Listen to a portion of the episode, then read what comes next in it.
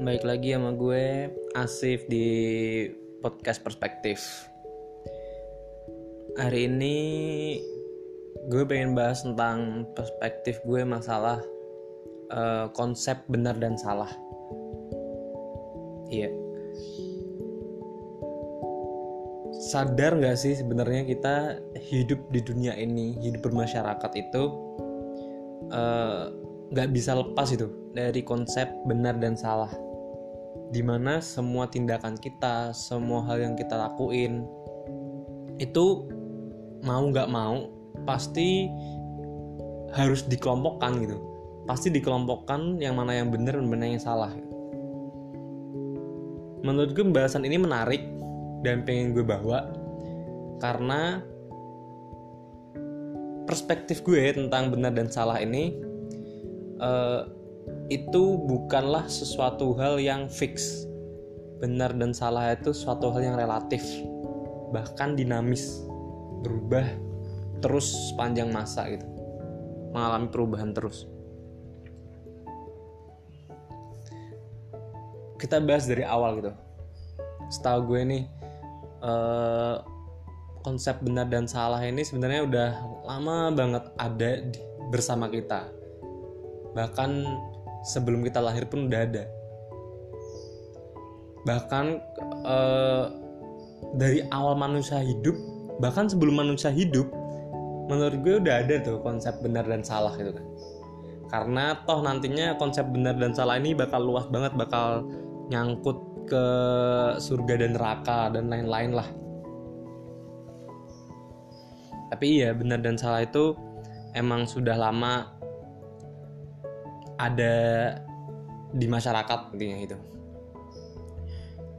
mungkin konsep yang paling tua ya konsep yang paling tua itu masalah e, norma dan nilai. Dulu pas kita mungkin SD berapa kita SD diajari kan norma dan nilai itu di mana norma dan nilai ini mengatur eh, hal-hal e, yang salah dan hal-hal yang benar. Ya kalau kita melanggar norma, melanggar nilai, ya kita dibilang salah melakukan suatu itu. Tapi kalau kita masih searah sejalan sama norma dan nilai, kita dibilang benar. Tapi kan norma dan nilai itu nggak ada hukumannya ya. Maksudnya eh, ketika lo pun melakukan kesalahan secara nilai dan norma, uh, ya itu nggak ada hukumannya karena norma dan nilai itu mah nggak ada hukumannya. Dan zaman dulu kan belum ada ini ya kayak peraturan tertulis sekarang yang ada undang-undang kayak gitu gitu kan belum ada. Jadi setahu gue sih dulu ya kalau dianggap salah sama sebuah suku makanya lu ada di dalam keanggotaan suku gitu terus lu dianggap salah melewati norma dan nilai suku tersebut ya lu bakal dihukum sama suku tersebut. Cuman uh, dulu sih setahu gue norma dan nilai itu emang gak ada yang tertulis. Jadi ya kesepakatan bersama aja dari anggota suku tersebut. Semakin di sini, semakin masyarakat dan lingkungan kita semakin maju, uh, konsep benar dan salah ini juga ikut berkembang. Karena uh, believe it or not, benar dan salah ini pun uh, juga dinamis gitu. Bukan suatu hal yang saklek bukan suatu hal yang fix. Sekarang kan kalau di masyarakat sekarang benar dan salah ini diatur pada ini ya. Diatur pada undang-undang dasar. Kalau di Indonesia undang-undang dasar peraturan pemerintahan dan lain-lain dan lain-lain. Ya undang-undang ada norma dan nilai itu ada itu sebagai batasan niat niatnya itu sebagai batasan untuk membatasi mana yang benar dan mana yang salah. Mana perilaku yang benar dan mana perilaku yang salah. Biar nggak melebur biar nggak uh, rancu gitu kan niatnya. Kalau sepenangkapan gue. Cuman karena sebenarnya benar dan salah ini suatu hal yang dinamis suatu hal yang berubah-berubah ya peraturan dan norma nilai itu pun harusnya kayak gitu batasannya batasannya otomatis mau nggak mau ikut nggak ikut ya bakal berubah juga gitu. Karena sebenarnya dasar dari adanya peraturan dasar dari adanya norma dan nilai itu adalah pemikiran orang-orang di sekitarnya pemikiran masyarakat di sekitarnya. Nah ini menarik teman-teman. Uh, benar dan salah ini menarik karena contoh aja deh. Kalian pernah gak sih bertanya-tanya atau nggak ngelihat film ngelihat acara TV ngelihat berita ada uh, orang lakuin ada orang di sidang gitu. Cuman dalam hati kecil kalian kalian ngerasa dia nggak salah gitu. Padahal dia udah jadi terdakwa pasti persidangan. Gitu. Ya contoh langsung contoh case nya aja ya. Pernah denger nggak uh, case seorang nenek nyolong pisang gitu. Ngambil pisang punya orang lain. Di pohonnya dipetik gitu dicuri gitu kan. Ya untuk nenek itu bertahan hidup gitu. Dan dia malah jadi terdakwa pas di persidangan. Ya kalau dari aku pribadi sih uh, dari aku pribadi sih ngelihatnya ya sebenarnya itu nggak usah digituin gitu loh. Maksudnya kan si nenek itu juga uh, berjuang untuk survive gitu kan dia nggak punya orang lain. Mungkin dia uh, punya tanggungan cucu-cucunya yang sama dia kan bisa jadi.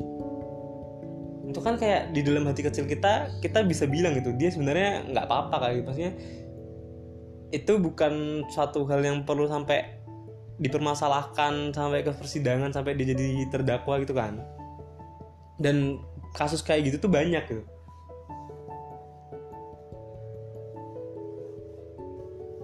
nah uh, dan kalau sekarang gue lihat masyarakat kita ya semakin ke sini tuh semakin kayak gitu. Semakin banyak hal yang sebenarnya kita bisa toleransi semakin banyak hal yang sebenarnya kita bisa uh, bisa wise enough to forgive malah nggak bisa. Dan sebaliknya semakin banyak hal yang sangat-sangat jelas uh, buruk hal yang sangat-sangat jelas sangat-sangat jelas salah malah uh, dikasih toleransi. Contoh aja deh. Kalian lihat uh, kalau lihat tentang politik-politik di Indonesia kan kayak gitu semua ya. Hal yang yang kita pikir sebagai kita orang awam melihat itu benar eh malah jadi salah di mata elit-elit politik. Tapi ketika kita orang-orang awam melihat itu salah eh malah jadi bener di mata di mata elit-elit politik. Ya kayak gitu sih sebenarnya konsep benar dan salah ini kenapa bisa jadi menarik. Soalnya ya teman-teman uh, menurut gue ya konsep benar dan salah ini erat kaitannya sama level toleransi masyarakat. Dan ketika kita bicara dengan level toleransi masyarakat kita bicara dengan level toleransi pribadi diri kita sendiri? Uh, contoh gini. Benar dan salah itu uh, ditentukan kalau kita sebagai negara konstitusional ya. Sesuai dengan peraturan pemerintah ya. Benar dan salah itu yang ditentukan dengan uh, peraturan dengan persidangan gitu kan. Tapi persidangan itu nggak ada kalau nggak ada laporan kalau nggak ada orang yang lapor. Dan kalau nggak ada orang lapor kita bisa simpulkan bahwa orang yang merasa dirugikan itu bisa mentoleransi gitu. Contoh uh, nenek-nenek tadi contoh nih nenek-nenek tadi yang sebagai case pertama ketika dia uh, ngambil supaya gue yang punya pisang gitu gue nggak bakal ngelaporin dia ke persidangan gitu. Karena gue mentoleransi itu karena gue bisa ngerti bahwa uh, oke okay, nenek itu mungkin butuh dan lain-lain dan lain-lain gitu kan. Dan akhirnya dia nggak bakal jadi terdakwa dan dia nggak bakal uh, disalahkan ngerti gak sih? Nggak bakal nggak bakal menjadi salah perbuatannya itu nggak bakal menjadi salah itu ketika gue bisa toleran toleransi itu. Nah begitu juga dengan konsep benar dan salah yang lainnya gitu ketika orang yang merasa dirugikan yang merasa terkena impactnya bisa mentoleransinya selama itu ada selama toleransi itu ada menurut gue semua hal itu bisa menjadi benar. Semua hal itu bisa menjadi benar. Tapi ketika eh, dampak ke kitanya kita nggak bisa toleransi dan kita menganggap itu ya ini harus harus ada konsekuensi buat dia dan kita laporkan berarti hal itu bisa jadi salah.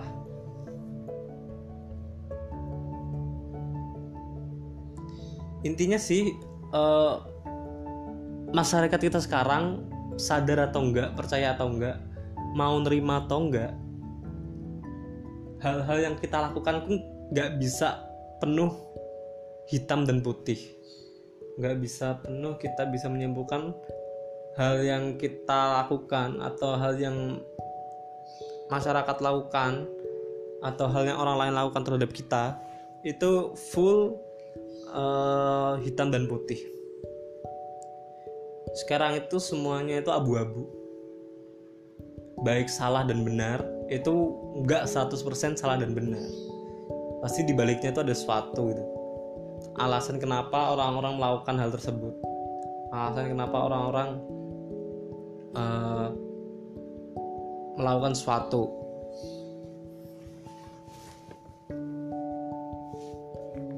nah tapi uh, tapi menurutku ini normal sih kayak contoh aja deh kita lihat kita bandingin Amerika sama Indonesia. Amerika kan negara yang paling liberal ya contoh negara yang paling liberal yang ada di dunia lah. Nah itu kan level toleransinya tinggi jadi itu pasti ada gitu.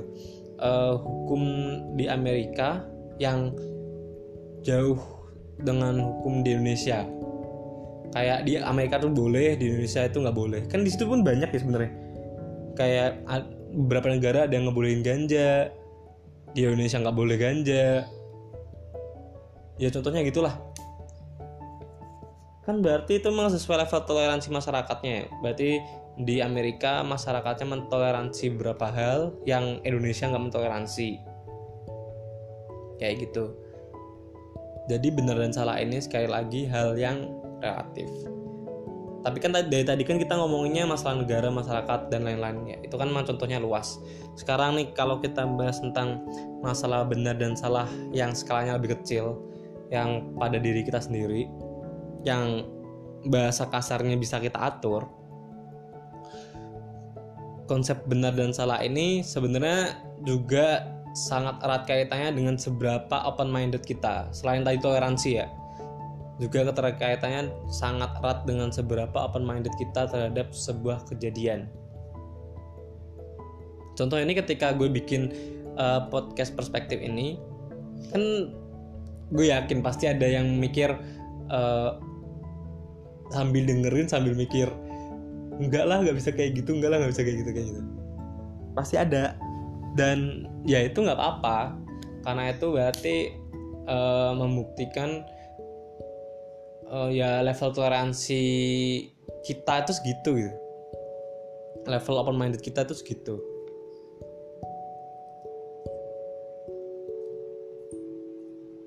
Masalahnya itu uh, ketika masalahnya akan terjadi ketika kita uh,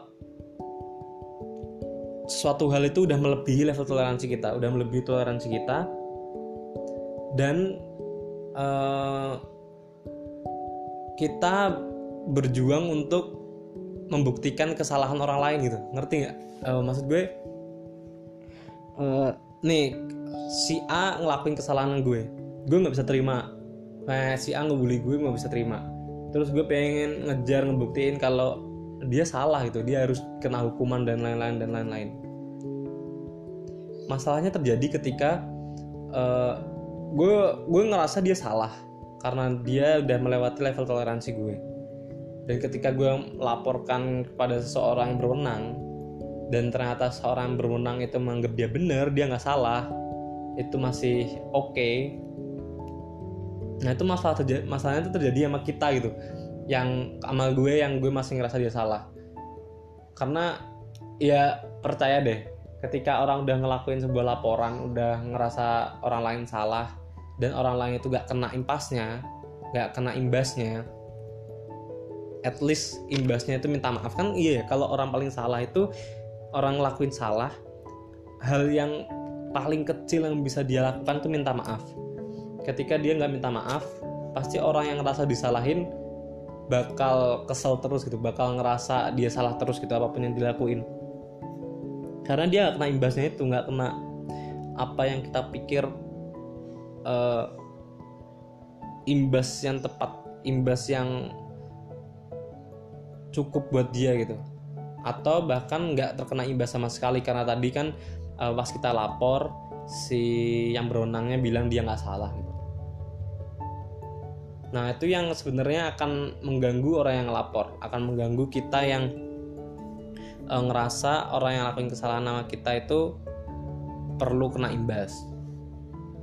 Ini di sini gue nggak nggak apa ya nggak berpandangan kalau orang salah itu nggak kenapa kenapa ya. Orang salah itu emang harus ada hukumannya harus ada imbasnya. Ya emang kayak gitu cuman ketika kita maksudnya ketika kita pandangannya sempit dan ketika kita ngelihat uh, dia salah gak tau ya kan gue itu selalu percaya gitu. Ketika ada sebuah masalah ketika if there is a problem with us doesn't matter. If it is from others it always include us gitu. jadi ketika ada masalah gue selalu yakin gitu pasti ada hal yang harus dievaluasi dari diri kita juga. Ketika ada masalah yang menimpa kita apa pun itu sekecil apa pun itu dari mana pun itu. Makanya di sini gue ini pesan aja sih.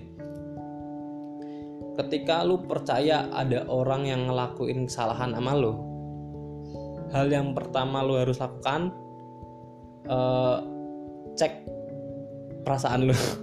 Cek mungkin kedengaran aneh ya. Cuman ini yang gue lakuin gitu cek perasaan lu. Lu ngerasa dia salah beneran sama lu nggak? Maksudnya lu bisa ngetoleransi itu nggak? Ketika lu nggak nggak bisa ngetoleransi itu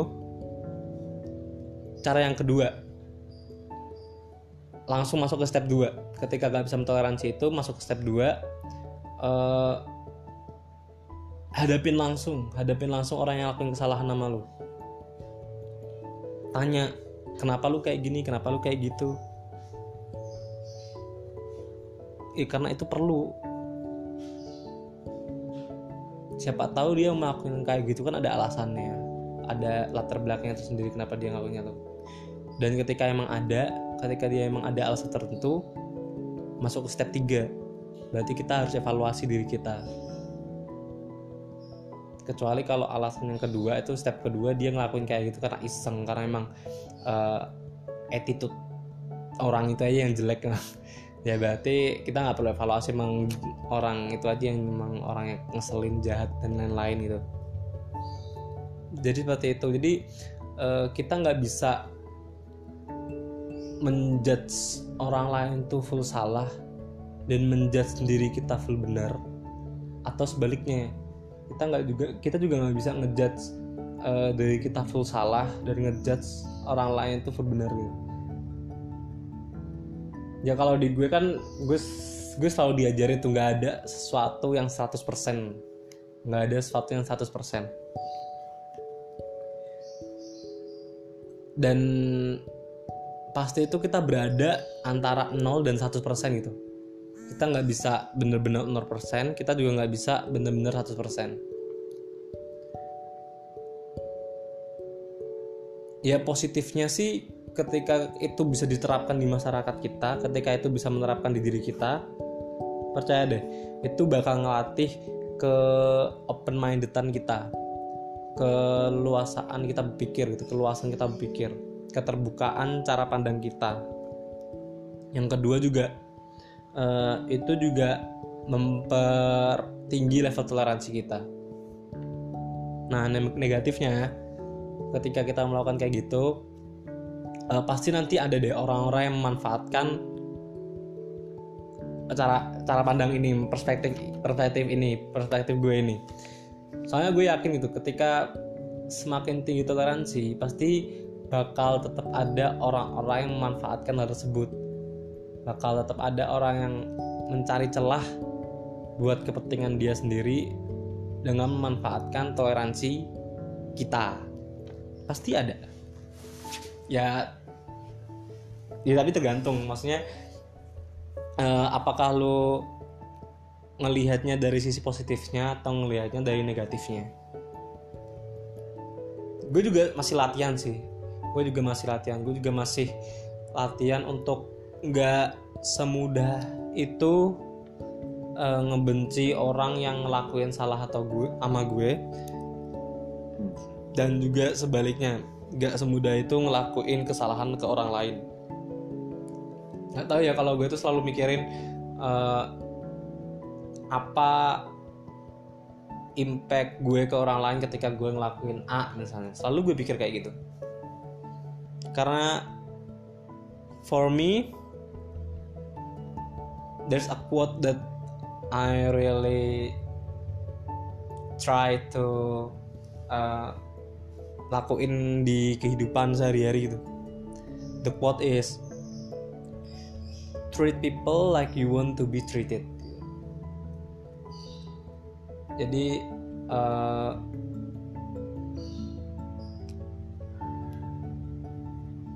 ya itu uh, lak, perilaku lu ke orang lain tuh lakuin sesuai dengan uh, gimana lu pengen uh, di orang lain tuh memperlakukan lu seperti apa gitu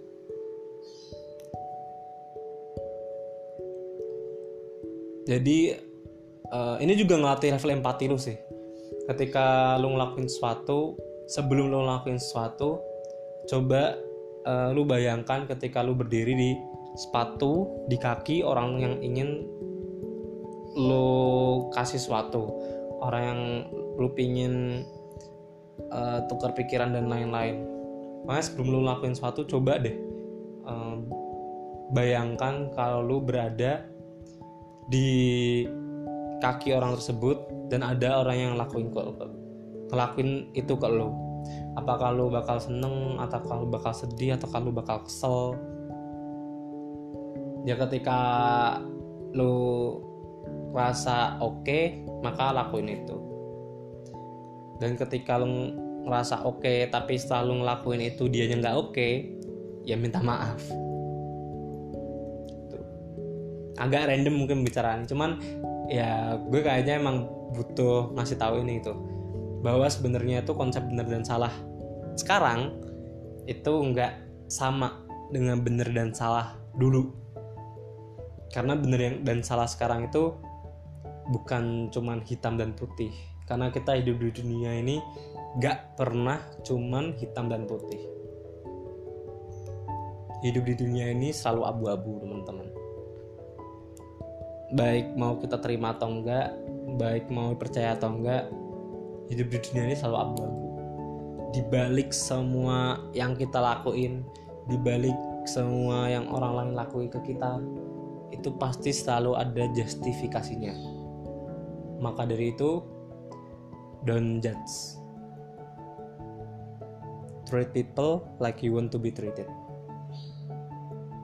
Sekian podcast gue kali ini kalau ada saran komen dan lain-lain uh, bisa langsung ke email gue di perspektifpodcast@gmail.com atau di Twitter sekarang udah ada Twitter di @perspektif underscore podcast. Eh, salah salah salah. Di twitternya at perspektif underscore pod oke see ya di lain kesempatan. Terima kasih